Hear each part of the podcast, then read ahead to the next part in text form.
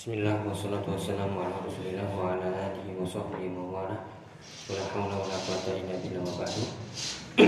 kita melanjutkan uh, di bagian catatan kaki insyaallah. Cukup catatan kaki yang kita akan selesaikan bismillah.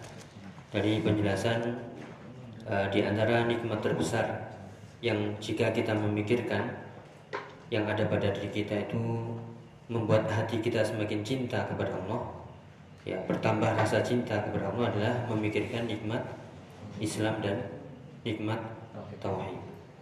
Kita saat ini beragama Islam alhamdulillah.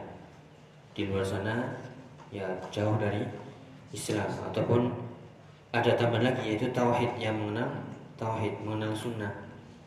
Ya karena betapa banyak sudah mengenal sunnah uh, sudah mengenal Islam tapi belum dapat hidayah mengenal sunnah mengenal tauhid dan begitu seterusnya kita runtun atau kita runtut uh, semakin kita mengakui nikmat Allah semakin kita bertambah cinta kepada Allah. Maka jangan sampai kita beranggapan Allah nggak adil, Allah kejam, ya.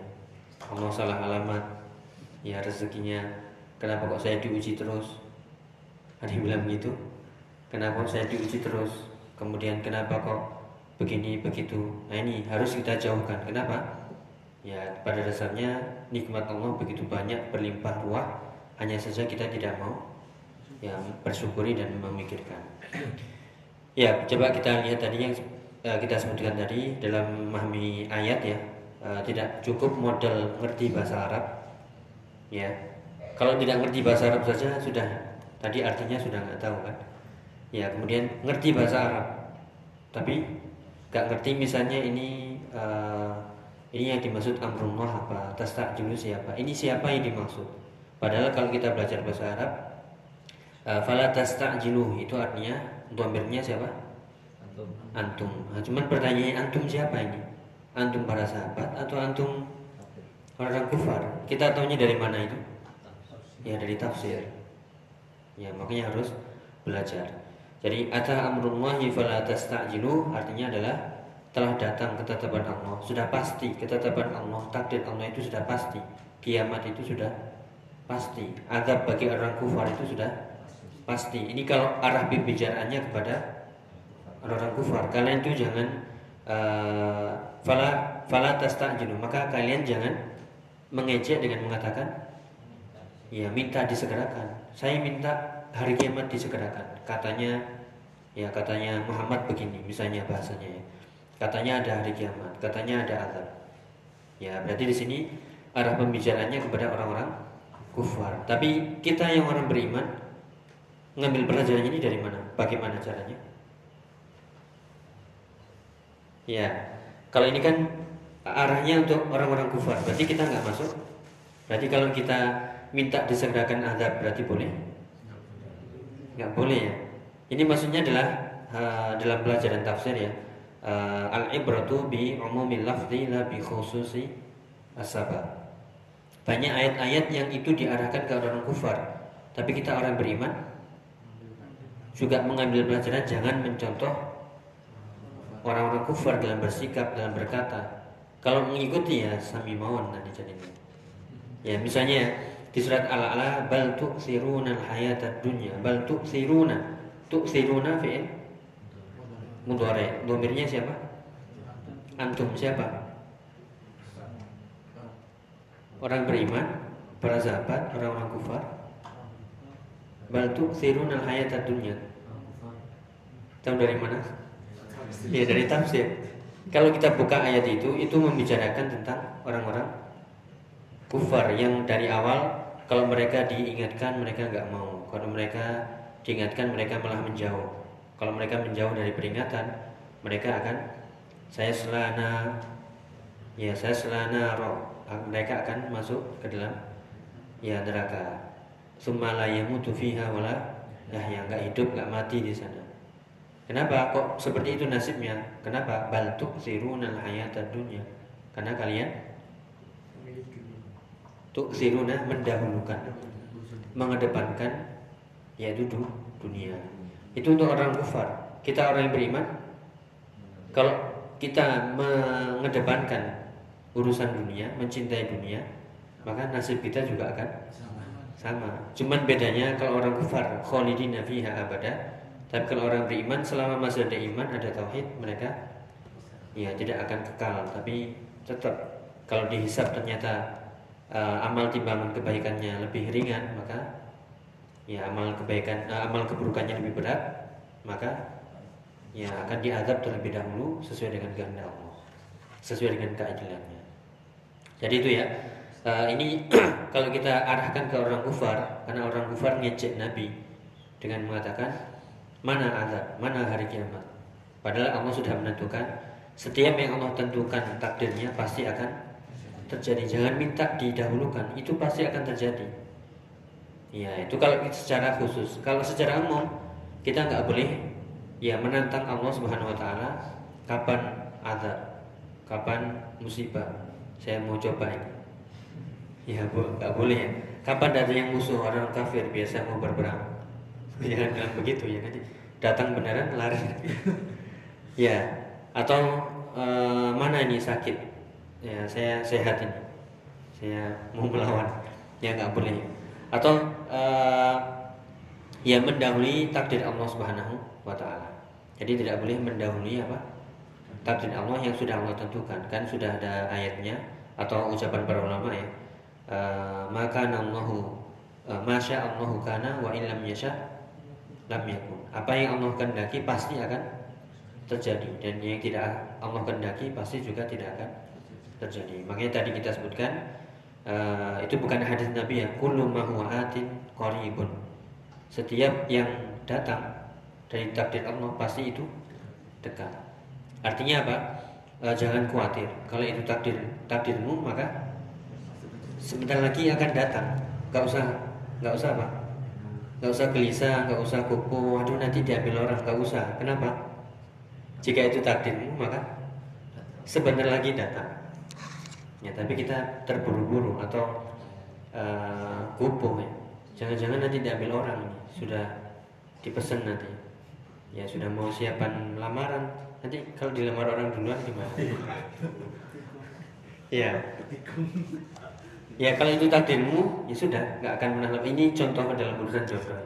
Kalau rezeki juga begitu. Kalau itu memang takdir kita, nggak akan lepas ya. Maupun seluruh dunia mau apa menghalang-halangi rezeki kita, ya nggak akan bisa. Kenapa? Kullu ma huwa korib. Setiap yang Allah takdirkan akan terjadi, maka sebentar lagi akan datang. Sebagaimana kematian ya. Nah, uh, nasallahu Ada yang bisa menghindar? Tidak bisa. Qorib. Ya.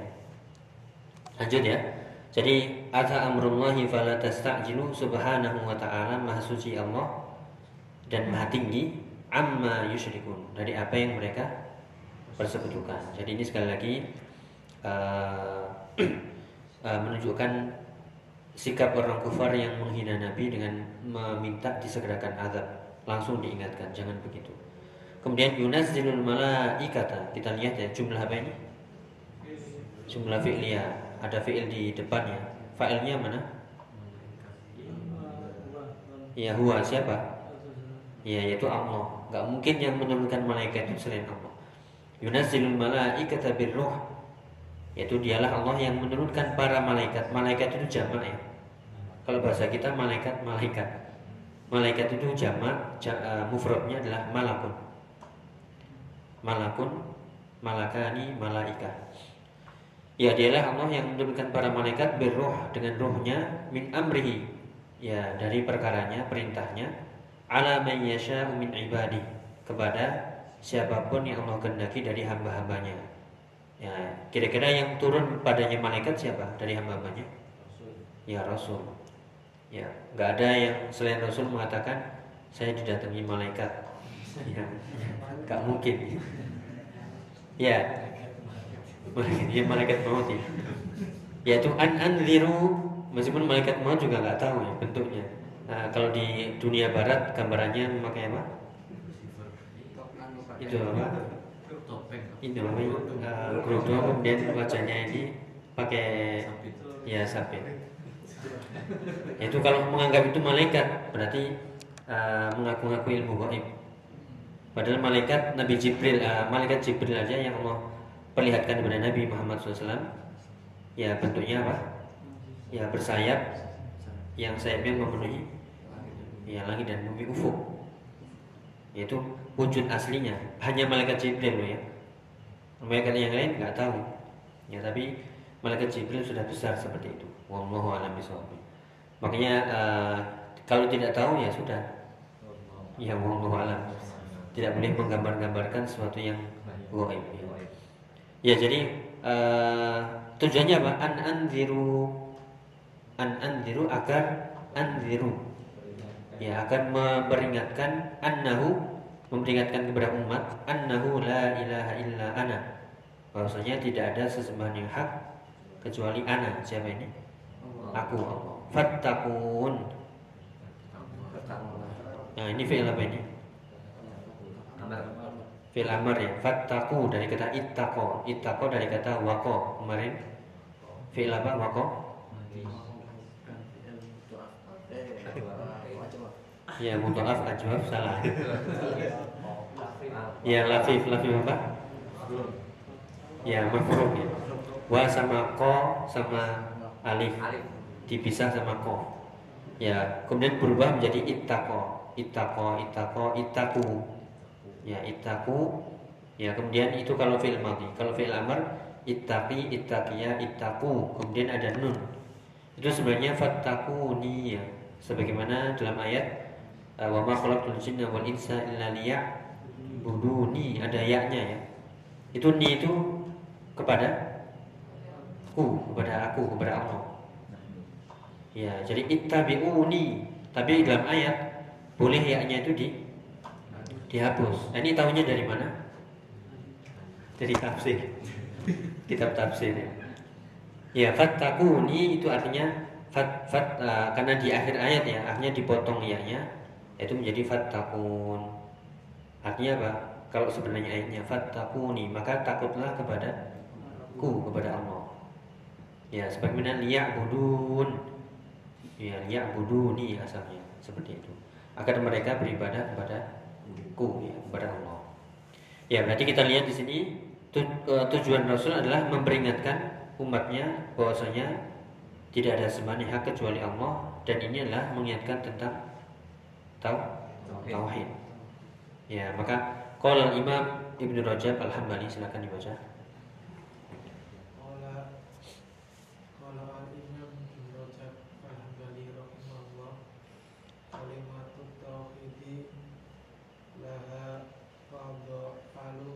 Fadailu Fadailu adimatu Adimatun.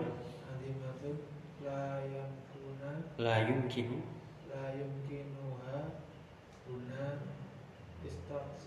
Istiqso. Istiqso. Saha. Uha. Istiqso Uha. Wa fi hadi. Wa fi hadihil ayati Awalu Ma Adad Ma adadullahu Addadallahu Adadullahu Ala ibadahu. Ala ibadi Ala ibadihi Minan ni'ami Fi suratin Fi suratin Ni'am. ni'ami Ni'amil lati Tusami Tusamma Tusama Suratun Nahl. Uh, Suratun Nahli. Suratun Nahli. Wali hada Qala bin Ibnu. Qala ibnu uh, Ay- Unayyata. Ayyata Uyayyinata Ay- Uyay Uyainata. Ya Rahimahullah. Ya cukup Uh, jadi di sini dijelaskan oleh Al Imam Ibnu Rajab Al Hambali. Uh, ini sumbernya dari kitab Kalimatul Ikhlas wa Tahqiqu Ma'naha. Ya, apa kata beliau? Nah, kita lihat kalimatul tauhid ini mubtada ya. Kalimatul tauhid laha fadhail azimah. Kalimatul tauhid yaitu ucapan syahadat la ilaha illallah itu yang sedang kita bahas dan sudah selesai ya. Berarti kalau kita mengatakan kalimat tauhid sama dengan la ilaha illallah itu kalimat syahadat. Jadi syahadat la ilaha illallah itu memiliki fadail azimah. Apa fadail? Keutamaan yang sangat besar. La yumkinu la yumkinu hahuna istiqsa'uha. Tidak mungkin hahuna artinya di sini istiqsa'uha untuk me, ya menjelaskan secara ya secara utuh. Ya, tidak mungkin meraihnya secara utuh, menjelaskan secara utuh. Kenapa? Nah, makanya di situ ada titik-titik itu artinya diputus ya ucapan beliau. Ya berarti pembahasannya nggak mungkin dipenjelaskan melalui tulisan yang sangat panjang. Buktinya apa? Kita bertauhid berapa itu? Penjelasannya seberapa? Ya banyak, banyak. Kenapa? Uh, kalimat tauhid yang sedang kita pelajari di kitab tauhid faedahnya, kemudian keutamaannya, orang yang mewujudkannya, kemudian bahayanya menyelisih tauhid, kemudian tafsirannya, kemudian nanti akan kita sebutkan juga hal-hal yang mengurangi kesempurnaan tauhid. Jadi pembahasan tauhid itu pembahasan panjang lebar, keutamanya juga sangat besar. Berarti kita diingatkan untuk selalu belajar tauhid lagi. Ya, wa fi hadil ayat, kemudian kembali ke ayat ini. Wa fi hadil ayati awwalu ma addadallahu ala ibadihi minan ni'ami. Yaitu di ayat ini awwalu ma addadallah pertama kali yang Allah addada kabarnya ya yang Allah hitung. Ya yang Allah hitung ala ibadihi kepada hamba-hambanya minan ni'am daripada nikmat-nikmat itu fi suratin ni'am. Nah kita lihat di surat Ni'am padahal ini surat apa? Ya, kenapa? Di tafsir. Nah, ini kembali ke tafsir. Nanti kalau kita belajar tafsir, satu surat itu memiliki banyak nama. Seperti Al-Fatihah di antara namanya Ummul Kitab. Di antara namanya lagi Fatihatul Kitab, yaitu Sabul Mathani. Kemudian juga surat An-Nahl. Di antara nama surat An-Nahl juga suratul Ni'am. Berarti surat yang penuh dengan kenikmatan. Nanti coba dibaca ya dari awal hingga akhir banyak sekali di situ kenikmatan Allah yang Allah sebutkan. Kemudian uh, ayat yang uh, di sini Allah menyebutkan pertama kali nikmat di surat nikmat ya yakni dinamakan dengan surat An-Nahl tentang apa kira-kira? Tauhid. Buktinya apa? Ayat 1 membicarakan tentang sikap orang kufar yang menentang. Kemudian Ayat kedua menjelaskan nikmat uh, yaitu malaikat yang diturunkan kepada para rasul itu juga nikmat. Sehingga para rasul itu mengajarkan umat kepada yang ya kepada yang baik berupa tau, tauhid. Berarti nikmat pertama kali adalah tau, tauhid. Sehingga uh, kolam Uyainah silakan dibaca apa perkataan beliau.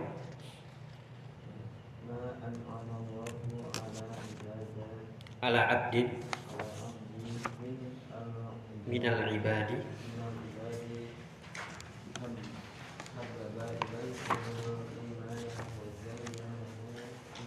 Oh, ke catatan kaki bawahnya. Ya. Nikmatun a'zamu.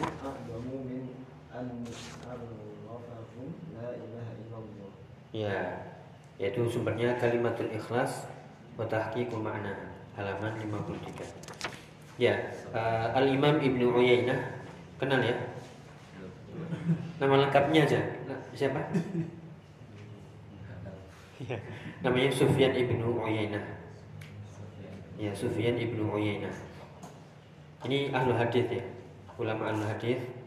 Uh, ya, beliau mengatakan, "Ma an'amallahu ala 'abdin minal ibad." Ya, tidaklah uh, Ya, tidaklah Allah memberikan nikmat kepada hamba. Di antara hamba-hambanya nikmatan banyak yang tadi ya nikmat sebuah nikmat a'zam yang lebih besar daripada min an arrafahum la ilaha illallah. Daripada nikmat ketika Allah mengenalkan mereka tentang la ilaha illallah. Jadi eh, cara memahaminya adalah ma'an ama di sini bukan pertanyaannya tapi apa manafiyah. Ya, tidaklah Allah memberikan nikmat kepada hamba di antara hamba-hambanya berupa nikmat yang lebih besar daripada ketika Allah memperkenalkan mereka dengan kalimat tauhid la ilaha illallah. Jadi ini kesimpulannya. Tidak ada nikmat terbesar kecuali kalau kita sudah mengenal la ilaha illallah. Pertanyaannya sudah beneran mengenal la ilaha illallah? Ya, berarti harus belajar makna la ilaha illallah. Artinya, rukunnya yang sering kita ulang-ulang. Rukun la ilaha illallah ya nafyu dan isbat. Kemudian juga konsekuensinya. Kemudian syarat-syaratnya. Kemudian penyempurnanya apa? Kemudian keutamaannya apa? Kemudian hal-hal yang mengurangi tauhid apa? Lawannya tauhid ya apa syirik? Macam-macam syirik. Ya, itu yang harus kita pelajari. Kenapa? Tujuannya biar kita tauhidnya selalu sempurna, biar tidak tergerus sehingga berkurang. Dan inilah uh, nikmat terbesar. Kalau kita lihat tadi kembali ya, uh, ada yang sudah mengenal Islam tapi belum mengenal tauhid dengan benar. Ada yang sudah ngerti ini tauhid tapi ya enggak enggak mempelajari dengan sungguh-sungguh. Ya ada yang sudah mengenal tauhid, yaitu artinya uh, atau mengenal tapi salah paham. Dianggap tauhid itu ya hanya tauhid rububiyah misalnya. Yang penting mengakui yang menciptakan itu Allah, yang berizki Allah, tapi urusan berdoa ya bisa ke yang lain. Nah berarti gak, gak kenal tauhid uluhiyah, rububiyah sama asma wa sifat. Ada yang tahu uluhiyah rububiyah tapi asma wa sifat menyimpang. Jadi harus mempelajari semuanya itu kalimat syahadat la ilaha illallah kemudian macam-macam tauhid dan penjelasannya. Berarti banyak PR-nya. Ya tapi kalau itu kita mengenal itulah nikmat terbesar jangan dibuang ya.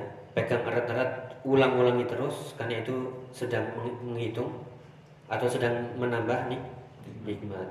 Nah, bayangannya ya kalau kita dapat nikmat uang saja misalnya. Kita ceritakan kemudian kita apa kembangkan kira-kira bahagia atau tidak? Bahagia. Ini yang tauhid diulang-ulang harus bahagia. Ya kalau nikmat dunia kita ulang-ulang kita bangga senang.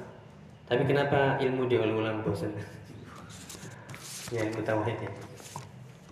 Tapi Allah alam mungkin itu yang bisa kita bahas. Uh, intinya itu nikmat yang terbesar adalah nikmat Islam dan nikmat tauhid. Tugas kita berarti jaga Islam itu erat-erat ya dan pelajari tauhid. Kemudian jika kita sudah memahami ingat-ingat terus tinggal mengamalkan dan jaga.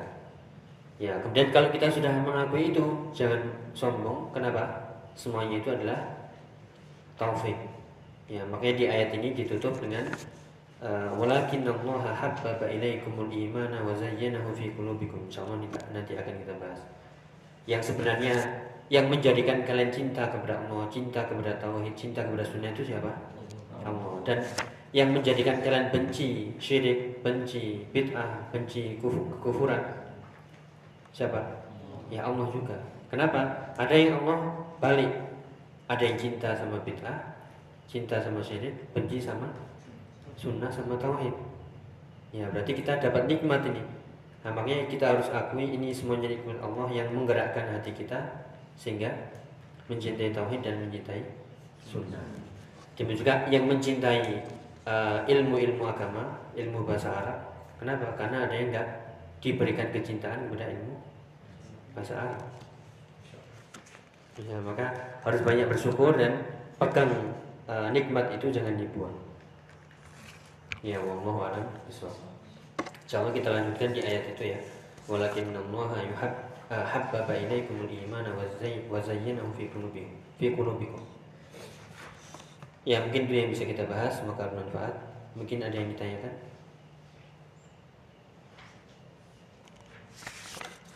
Ya, uh, terutama tadi diingat-ingat ya fitnah-fitnah uh, di dunia luar uh, tentang uh, yang menyudutkan Islam dari terutama uh, menyudutkan Arab ya.